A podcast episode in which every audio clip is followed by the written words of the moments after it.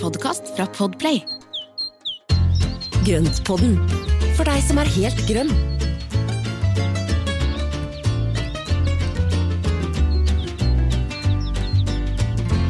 Hallo og velkommen til, eh, til en ny episode av Grønnpodden. Sorry at jeg ler, men eh, det er jo en god start. Hei, Espen. Hei Marianne. Det er mye å le av nå. For nå er det jo Ja. våren nærmer seg med stormskritt. Det gjør den, og jeg gleder meg sånn til dagens tema.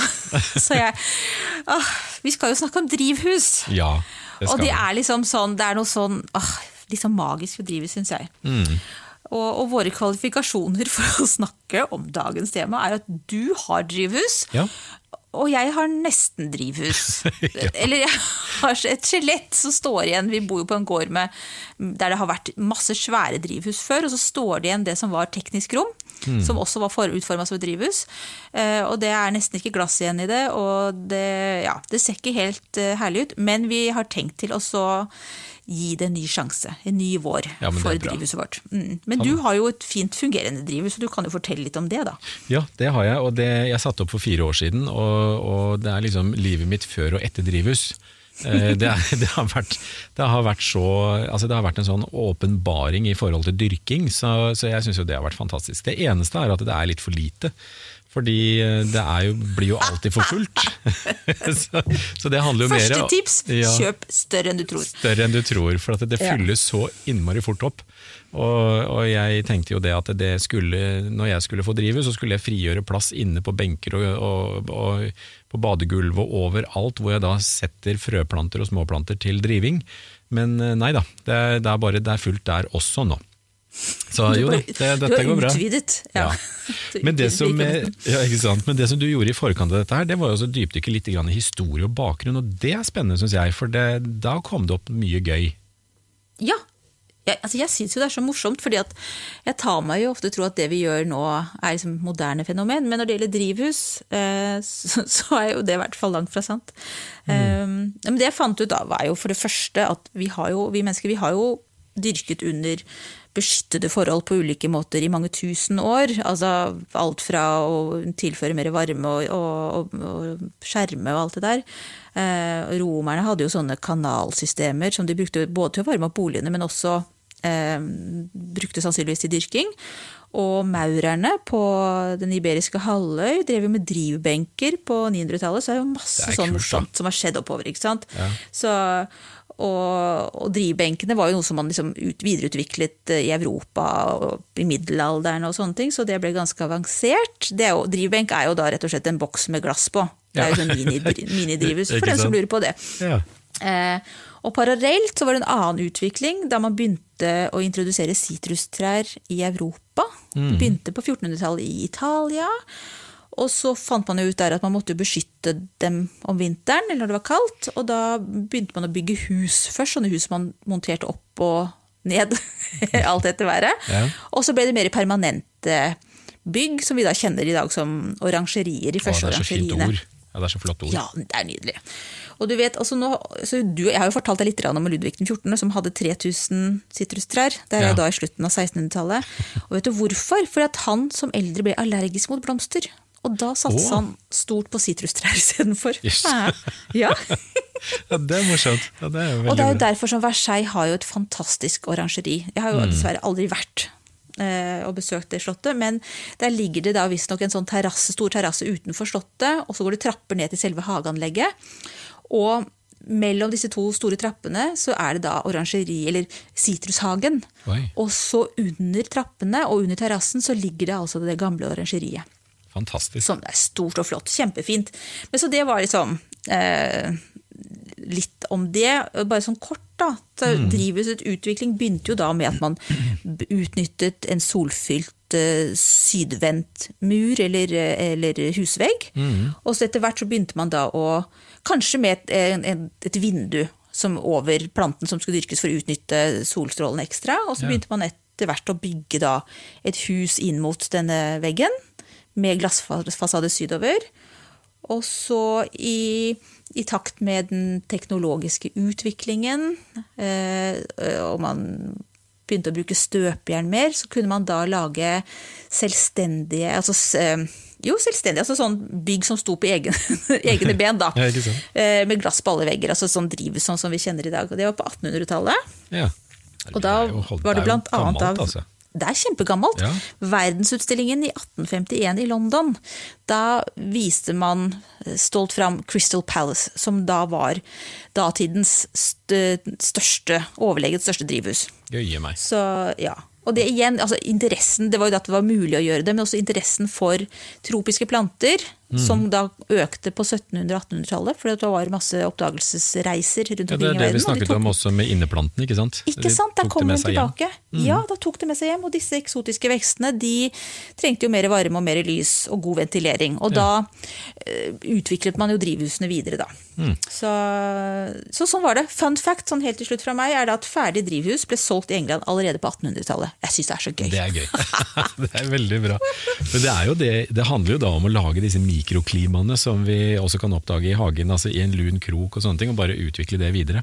Og det er som jeg så på en nylig på Monty Don, altså min store favoritt i, på disse hageprogrammene, hvor de, han da hadde et innslag fra drivhuset Tempest, eh, nei, Temperate House i Kew Gardens. Og det, var jo, det er jo et enormt hus som har blitt pussa opp de siste åra. Er det gammelt? Og, eh, Det er fra 18, det var åpent for publikum i 1840. Der ser du. Så det er, jo, det er jo det, og den ble jo, hele hagen der ble jo satt på Unescos liste for verdensarvsliste i 2003. Så det var jo, jeg var i på, i Kew Gardens for mange mange år siden og var i det huset, og det var altså kjempeopplevelse. Og det er så svært at du, du tror nesten ikke det er sant. Kult. Så det er veldig veldig gøy. Så dette her det blir jo mye mindre former vi skal snakke om nå, da. Ja. I egen hage på noen få kvadratmeter. Men resultatet kan bli det samme sånn, for hver og enkelt plante. ja. Like stor glede. Mm. Så da har vi jo slått fast at eh, drivhus er gammelt nytt. Ja. men, men hvorfor er det blitt så mye mer populært de siste årene? Ja, det er jo, det, er jo det, samme, altså det henger jo litt sammen med den økte hageinteressen som har eh, kommet fram, og spesielt her nå i Norge de siste årene. Så, og det, også med hageinteressen så er det også en forståelse av hva som trengs for å lykkes med plantene. Så vi- er jo da, vi har lyst til å eksperimentere med eksotiske planter, som de gjorde også på, på, liksom for flere hundre år siden. Og, og det å få fram da ting som da egentlig ikke normalt vokser her i Norge, og da få de eksotiske plantene med, øh, med da hjelp til å få lykkes med det. Og det er jo en annen ting at vi har jo også en, en, en økonomi som gjør at vi bruker mer penger på uterommet. Og, og det, det er jo brukt med, altså, vi bruker mye mer penger på uterommet nå enn det vi gjorde Ja. før. Så, Det er jo også noe med, så klart, altså, ja, absolutt at vi har det bra, men også noe med prioriteringen, tenker jeg. Ja. Før så ville man kanskje mer ha bas- basseng, eller Ja. det ville man jo også veldig gjerne ha i fjor når det var eh, Ja. pandemisommer. Men jeg tror sånn generelt så legger man kanskje mer penger på drivhus nå i forhold til eh, andre ting, da. Ja, og helt klart også er det jo også noe med at det, vi, det har jo vært en endring i hvordan vi bruker altså, Se på arkitektur og møbelprodusenter og sånne ting. og Man ser jo også da i mange av interiørmagasinene hvordan da inne- og uterommet flyter sammen på en helt annen måte. Så Ja. Uteplassen blir jo en forlengelse av interiøret i mange sammenhenger. Og også i tillegg til, altså Når vi snakker om å forlenge, så er det jo også det å forlenge sesongen. for Når vi har lyst til å bruke hagen med et, da et drivhus, så kan vi jo da høste tomater helt fram til november med litt ekstra oppvarming, og man kan da også starte veldig mye tidligere. Så, så det, og også det hvis man bruker det som en, en, en hagestue, så vil man også kunne da sitte ute og hygge seg utover seine, litt kjølige sommerkvelder og sånn, for vi har jo litt ustabilt klima her. Så det er, det er liksom ikke, det er ikke middelhavssomre.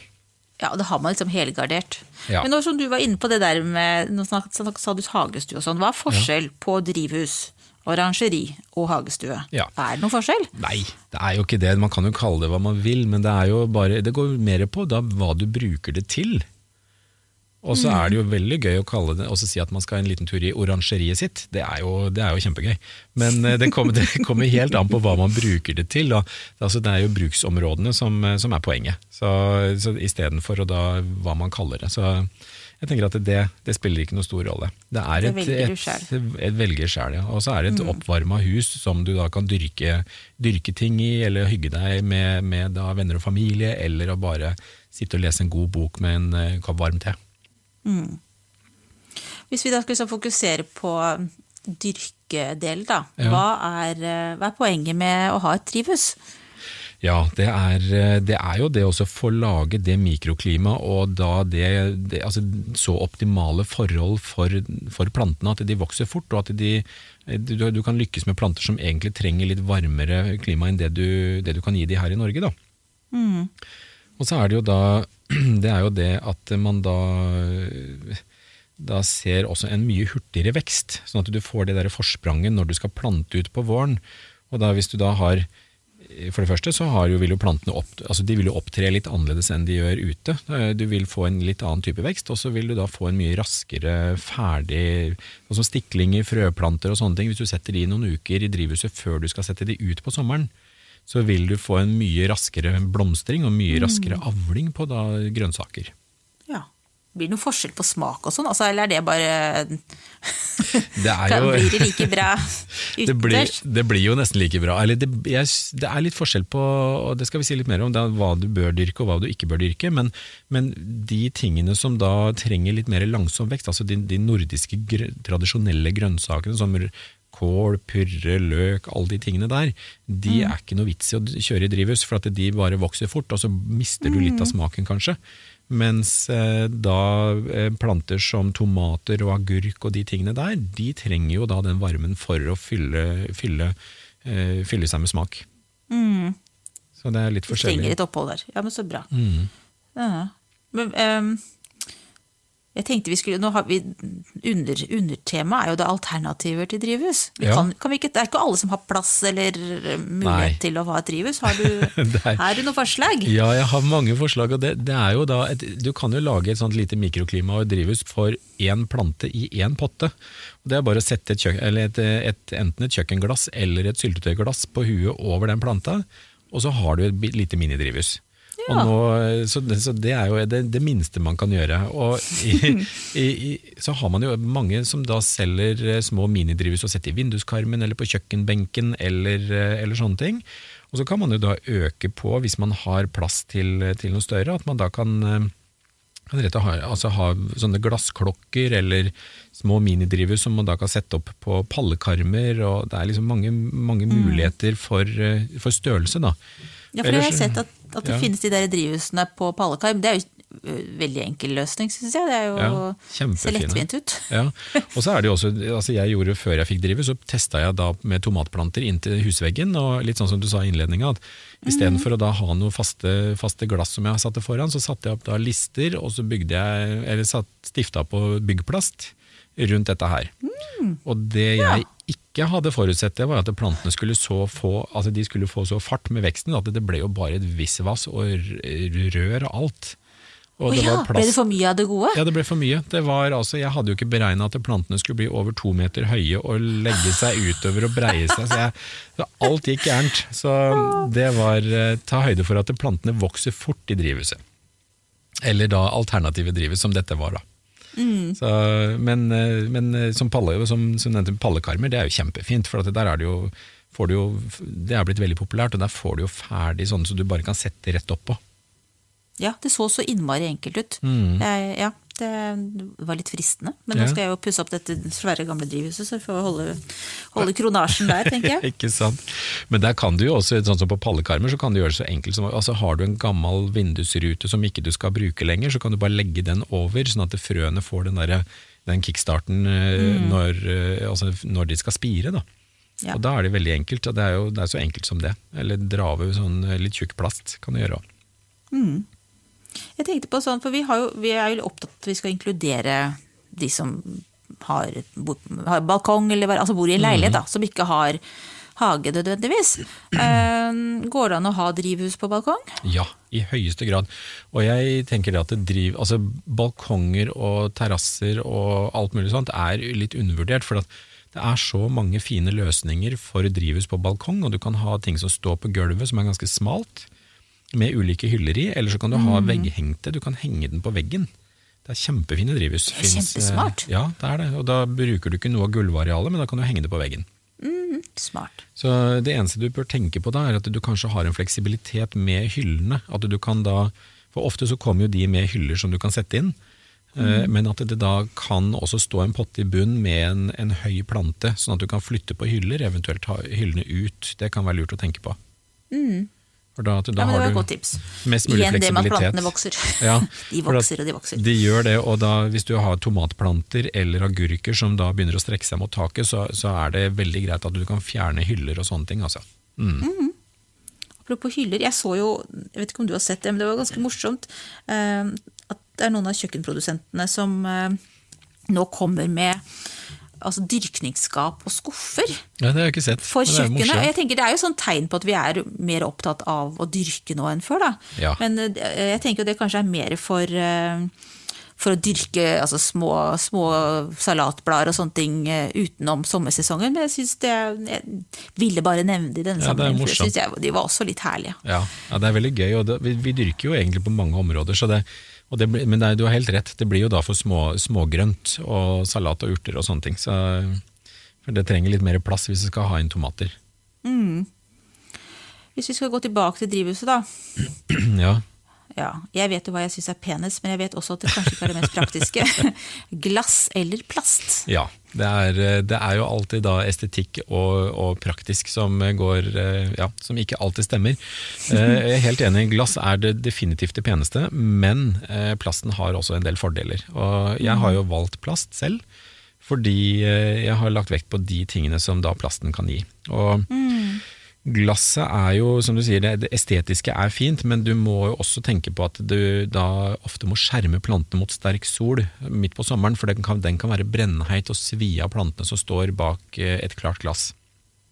Så det er forskjell på hvordan plast og glass eh, Altså hvordan solen trenger Ja, mm, Ja. spennende. Så, så det, er jo, det er jo en av de tingene, for at plasten den vil jo da være litt mer, altså det vil være litt mer som bremser for eh, den sterkeste sola, og ofte så får du et mye sånn eh, mer diffust lys da, inni et plast, eh, altså plastdrivhus. Og, og med plast, det er, jo, det er jo det som da kalles for sånn polykarbonatplater, som er gjerne da isolert i midten med sånne kanaler. Og det gjør Er det sånn bølgete? ja, den er ikke bølgete, den er flat på begge sider, men det er sånne kanaler inni mellom to lag med plast. Da. Ja. Og det gjør at du da også har en isolasjonseffekt som da gjør at um, eh, altså sånn På høst og vår så har du, slipper du å fyre så veldig mye inni der. Da holder den mye lenger på varmen. Og det er litt, eh, altså litt høyere temperatur der på natta og kan være enklere å holde temperaturen oppe. Ja. Et lag med tynt, at jeg ble litt mer vennlig mot plast. ja, ikke sant? Med ett lag med tynt glass, ikke sant? 3 mm glass f.eks., det, det, det blir veldig fort kaldt inni der når Mm. temperaturen synker på kvelden og natta. Blir større temperaturvariasjoner da, Ja. fra veldig varmt om dagen og, og kaldt om, om natta. Ja, så det går litt langsommere i et plasthus. Men det, som, er, det som er fordelen også, det er jo da hvis, altså hvis man har eh, unger som spiller fotball eller leker og herjer rundt, så at man da Plasten den knuser ikke. Og det er jo en av de tingene. Så hvis man da skal øh, altså tenke litt sånn praktisk på det, så er det jo der. Men for å da ta den der solskjermingsbiten, så kan man jo også velge å legge kanalplast i taket, og så legge glass på veggene. Så man kan jo Ja. fint kombinere det. Så det er jo Ja. ikke noe i veien for det. Det høres ut som en lur løsning for oss. Ja. Selv om vi har veldig mange fotballspillende barn. Så kanskje er plast overalt. Vi, vi pakker det inn i plast. Ja. Men eh, ok, eh, plassering da. Er det, hvor, er det noe sånn Ja, det må jo være noen fordeler med å stå riktig sted i Ja, det er det jo. Og det, selvfølgelig, det er jo regler i alle kommuner, så sjekk regelverket først i kommunen. Det er, det er første steg. Og så er det alltid greit å ta en liten fot i bakken med naboen. Hold godt naboskap og vær eh, inkluder og si at eh, jeg har lyst til å gjøre det. Er det greit? Hva syns dere? For det, det å holde naboene, naboene på glid er alltid lurt. Eh, og så er det jo da plassering i hagen er i forhold til solretning kan være lurt å tenke på. At man da legger langsida mot syd. For at da har du? Hvis du har en lengderetning, at du får fange mest mulig sol med langsida. At da vil du få en, en, en raskere oppvarming på våren, og så vil du kunne holde da en, en god lysmengde inne i drivhuset. Vet du jeg må bare si, Det er så rart med det gamle drivhuset, det lille som står igjen. Ja. Er det at det, det står så feil? Det er sikkert for at de brukte jo det da som teknisk rom. Ja. De dyrket nok ikke så mye der, så det står jo Det er sånn østvendt. Oh, ja. Ja, helt snart, Og så står det bak et av uthusene, så det får ikke så mye sol. Det er Ok, nei, men det er, Da er det sikkert derfor, altså. Men vi skal bruke det mest som hagestue, da. Ja. Kan vi si. Ja. Og det er jo egentlig veldig greit. Og, og det som man også kan tenke på i forhold til, eh, i forhold til drivhuset, det er jo det å, å, å Plasseres det sånn at det blir litt skygge midt på dagen, så er ikke det så farlig. For at det på, midt på sommeren så er det ofte deilig med det lille avbrekket hvor sola ikke står og steiker på drivhuset. Så, Da ble jeg litt mer sånn håpefull her. Ja, men så bra. så, det er kjempefint. Men eh, det er, eh, så det er, det er, man kan egentlig plassere det hvor som helst, men det som er viktig, tror jeg, det er jo da å plassere det sånn at det er lett tilgjengelig. For at man vil gjerne gå inn der på morgenen og gå inn der på kvelden og, og liksom kikke hva som har skjedd. Og, og det kommer til å bli en del bæring inn og ut av planter og jord og vann og sånne ting. Så eh, la det ligge lett tilgjengelig i forhold til huset. Smart. Det var lurt. Eh, og størrelsen, da? Du sa jo litt det i stad, Ja, egentlig. det er jo altså, så stort skal- som mulig. Så, så, så mye hagen og økonomien tilsier, er ikke det, er ikke det greit Mm. da? For det, det blir nesten alltid fullt. Det er ikke det som er problemet. Og takhøyde. altså sånn Du snakket om disse tomatene dine som ble så fryktelig lange. Det er Ja. jo kanskje også noe man skal tenke på. Ja, det er, det er faktisk veldig greit å få med seg. For det, det, som, det som er at Ofte så dyrker vi jo langs med sideveggene. Og da å ha et drivhus som er så høyt som mulig på sideveggene, er, er greit å ta med seg. Fordi hvis, du har et veldig, hvis taket går veldig lavt ned på sidene, så, så har du ikke så mye høyde å dyrke på. Så velg gjerne så høyt som mulig, for at det, det gjør jo ikke noe med arealet, altså dyrkningsarealet, men du har volumet i høyden har, har mye å si. Det forstår jeg. Um, og hvis man skal sette det opp Satt du det opp selv, eller Ja. fikk du noen til å sette? Ja. Jeg gjorde det, Hva er jeg erfaringene mine der? Vær nøye. Det er, eh, altså, en liten forskyvning i sokkelen på, på noen millimeter kan gjøre en kjempeforskjell i toppen. Så det er, eh, altså, vær nøye med, med grunnarbeidet. God, stabil sokkel, og få eksakt millimetermål på, på, på bunnsvilene, eller den der, den, der, den, der, den som ligger i bunn. Så sokkelen, for at den, må være, den, ja, den må være på plass. Ellers så er det ingenting av de andre, for den kommer jo gjerne i tusen deler. Så det tar litt tid. Og, og sånn, og vær, Få gjerne, gjerne hjelp av en, sånn at dere er to, for at det å løfte opp da tagbjelker og sånne ting. Så jeg fikk hjelp til det selv, og det, det, det er ganske nødvendig. altså. Så, men det er jo da veldig viktig at man da gjør grunnarbeidet godt. Og så er det jo mye spennende man skal gjøre inne, og det skal vi si mer om nå.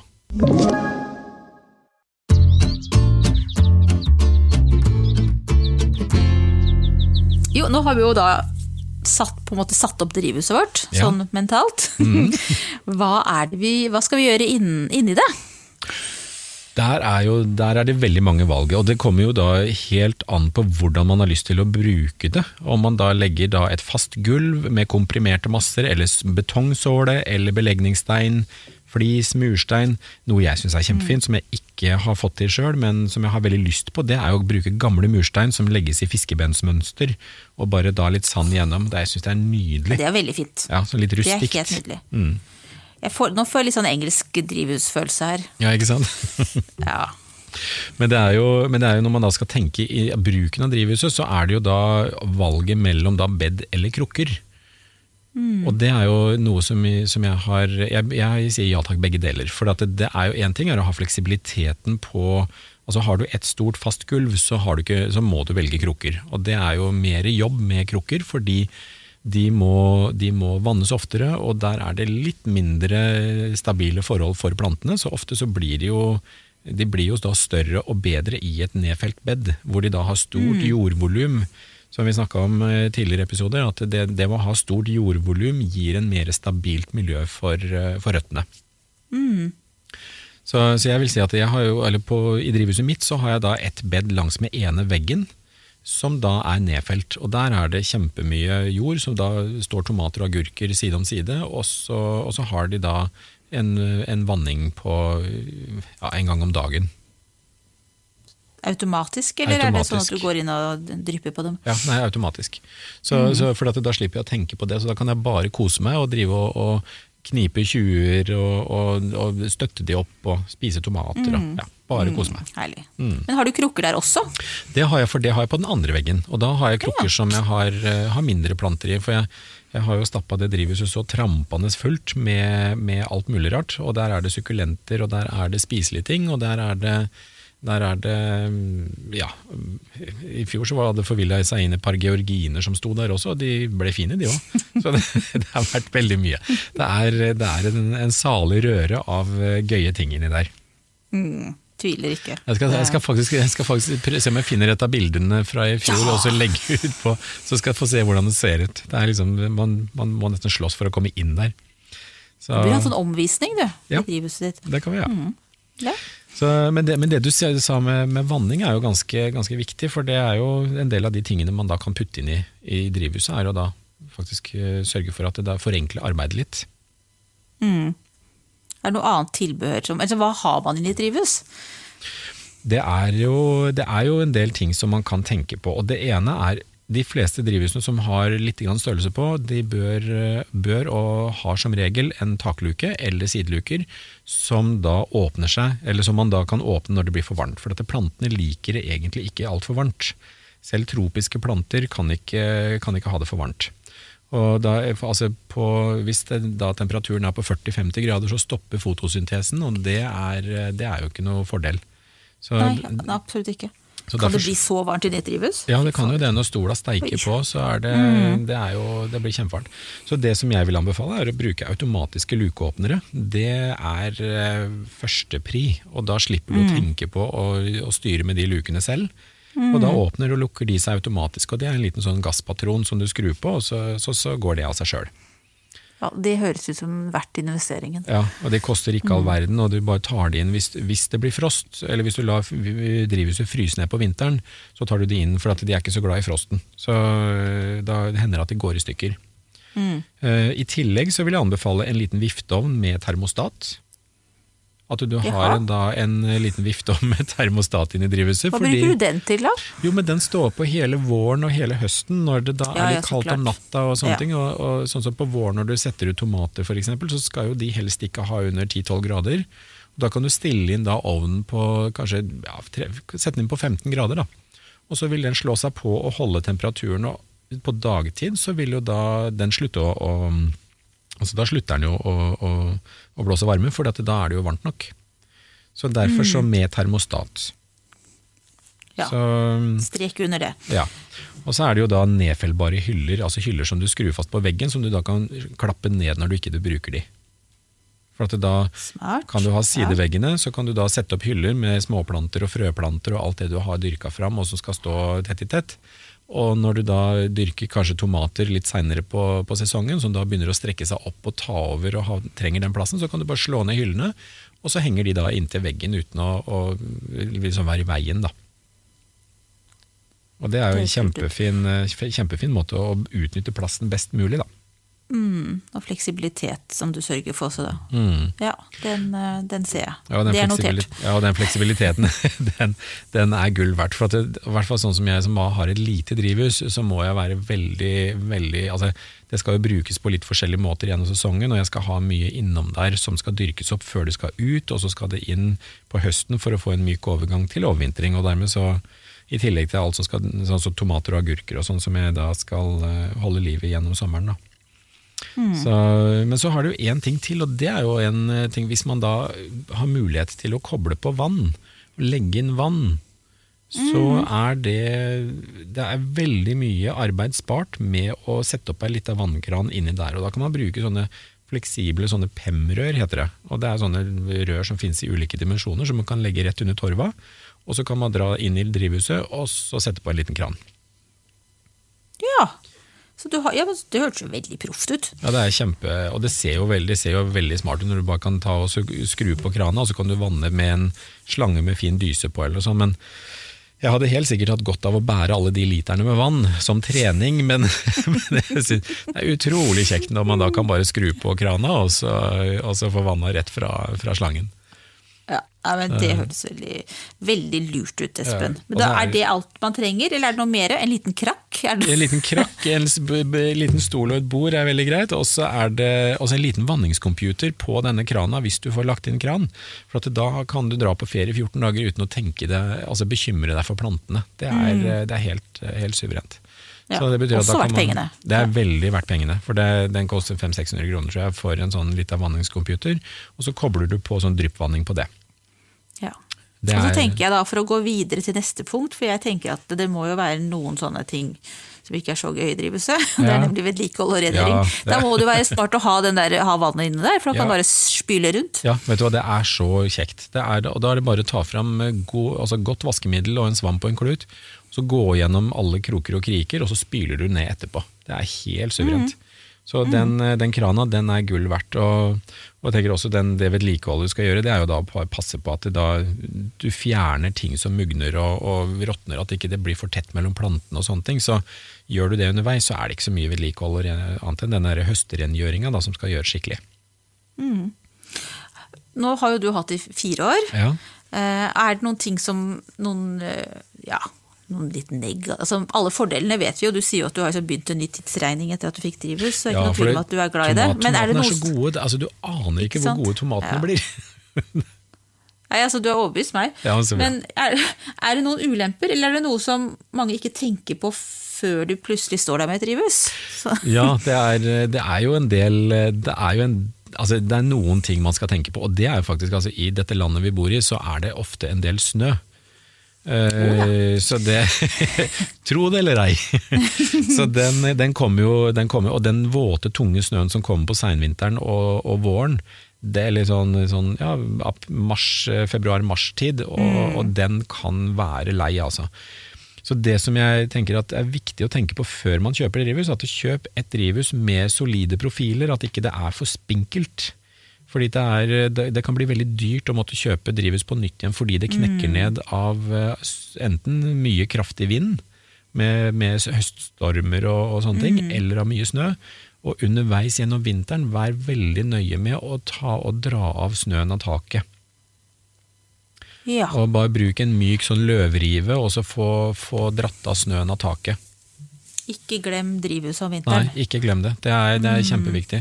Så er det jo en del som da overvintrer planter ut i drivhuset, og kanskje setter på da litt varme og pakker inn med bobleplast og sånne ting. Og, og har du da plussgrader i drivhuset, så vil som regel snøen smelte på toppen, og så sklir den av av seg sjøl. Men, eh, men for de som da ikke har noe varme i drivhuset, sånn som meg, så, så er det viktig å bare se til det, og spesielt når, eh, når snøen blir tung og våt, altså. Kjempeviktig. Kjempeviktig. Hmm. Hva er det du jeg føler at det er, det jeg spør om nå, er kanskje noe av det viktigste, men hva, hva er det vi skal dyrke i, i drivhuset? Hva, og hva skal vi ikke ha der? Du nevnte jo litt om det, da. Kål og sånn kan du godt ha på, på i, utenfor, men Ja. hva Ja. Hva De, vil du de, ha der? de tradisjonelle norske grønnsakene de, de kan godt få en start i drivhuset, og så planter man de ut så fort det er fritt for frost. Mm. Så det, det vil jeg si. Og, eh, men jeg ville si at sånn så tomater, agurk, chili og de, da varmekjærene, altså de varmekjære plantene og urtene, de kan du dyrke der inne. Og- og gi- Mm. Melon? Melon, kan man dyrke ja. melon? Ja, oh, jeg kjempe- drømmer om å dyrke melon. Ja, jeg har melonfrø som er blitt spira, og de, de, skal nå, de skal nå få stå der ute. Så det er sånne små, små nettmeloner. Så det er alt, det, alt som er varmekjært kan settes i der. Men sånn som squash eksempel, det er en av de som jeg prøvde som ikke nødvendigvis bør være der. De blir store nok på friland. Ja. Ja, de, Fordi- ja, det har jeg erfaring med at squash de klarer seg godt i, i nordisk klima. Ja, og jeg tenkte det var lurt å sette en squash mellom to tomatplanter, og den tok jo over halve drivhuset. Den slåss, jeg måtte slåss med den. Så den endte med å bli eh, kappa ned, altså. For den, eh, den hang jo, den, den breia seg utover halve drivhuset. Jeg tuller ikke, altså. Den var diger. Så nei, ikke squash i drivhuset. Ikke squash i drivhuset. Nei. Det er eh, greit. Så, men alt som er varmekjært ellers, er sånn, og som da har noenlunde grei vekst, altså, som ikke tar over og tar helt Mm. overhånd. Den er grei. ja. Så kan man bare prøve seg fram der òg. Ja, Som med ja, ja. alt annet når det gjelder planter. Prøv deg fram. Man må prøve seg fram og gjøre noen erfaringer. Ja. Altså, jeg vet jo at jeg pleier å, å ha en liten oppsummering. I dag så har jeg det bare skrevet en setning, og det er uh, få deg drivhus og kos deg. Ja. Fordi jeg tenker her er det så mye at uh, drivhus må man liksom lese seg litt opp på, tenker jeg. Eller at man må liksom prøve seg litt fram og, og sånn. Men nå Ja. har vi fått en liten innføring her, Ja. og jeg tror kanskje enda flere har blitt frista til å investere i et drivhus. Jeg håper det, for det er virkelig moro. Altså. Og det er gøy å se, se plantene utvikle seg under litt andre forhold. Og, og ikke minst også forlenge sesongen så mye. Så er du glad i planter og hage, så, så er det veldig gøy med en, en, litt lengre sesong enn det vi har naturlig her.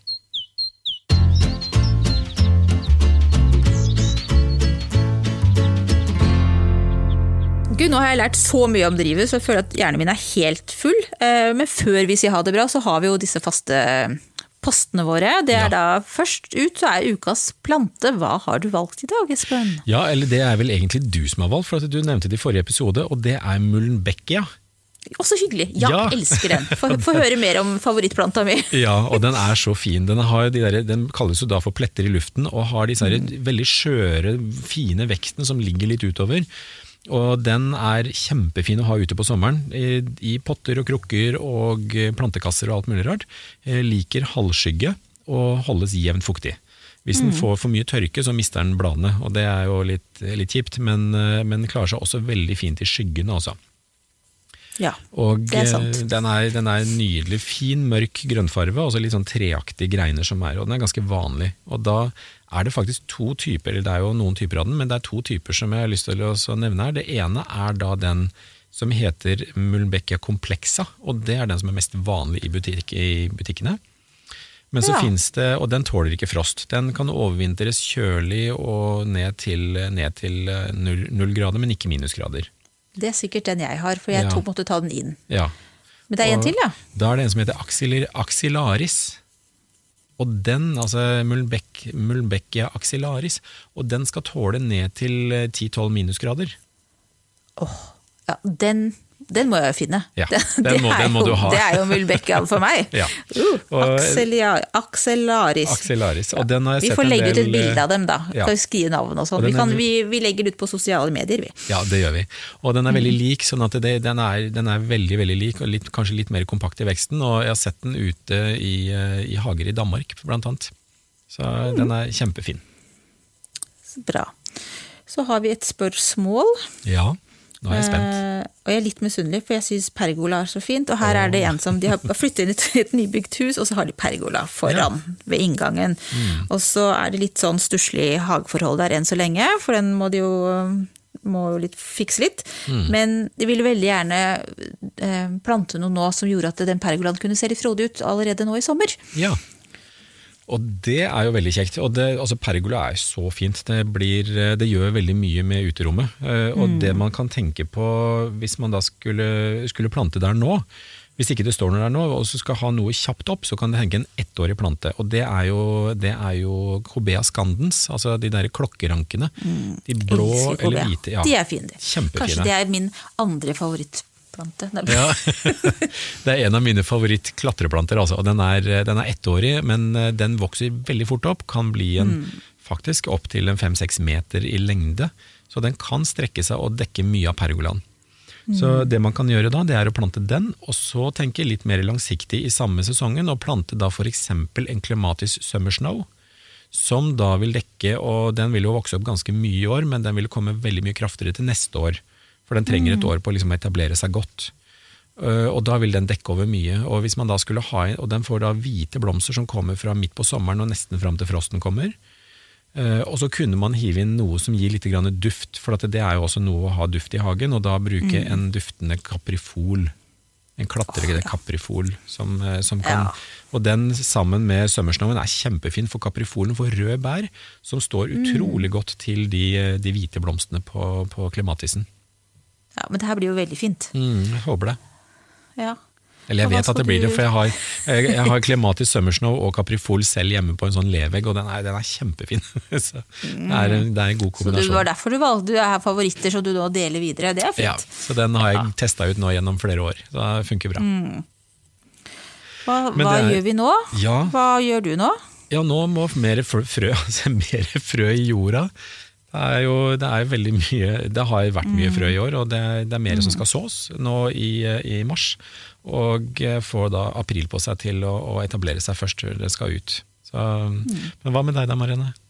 Ja, det er jo egentlig samme svaret der. Nå er det, nå er det frøsåing. Ja, det er, Det er helt herlig. Ja. Det er så gøy. Nå har vi skravla nok for i, for i dag, Espen. Ja, men det har vi. Bare minne folk om at vi finnes på Instagram og Facebook. Ja. Der eh, heter vi Grøntpodden. Ja. Og eh, vi legger ut litt bilder og sånn.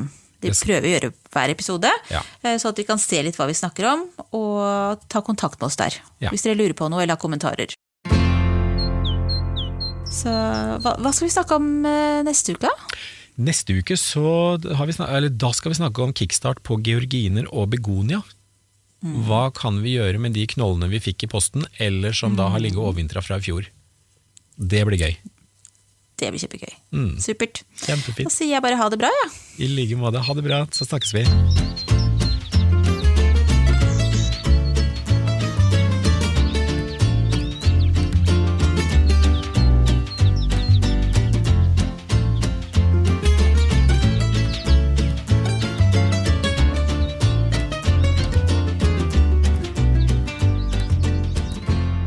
Du har hørt en podkast fra Podplay. En enklere måte å høre podkast på.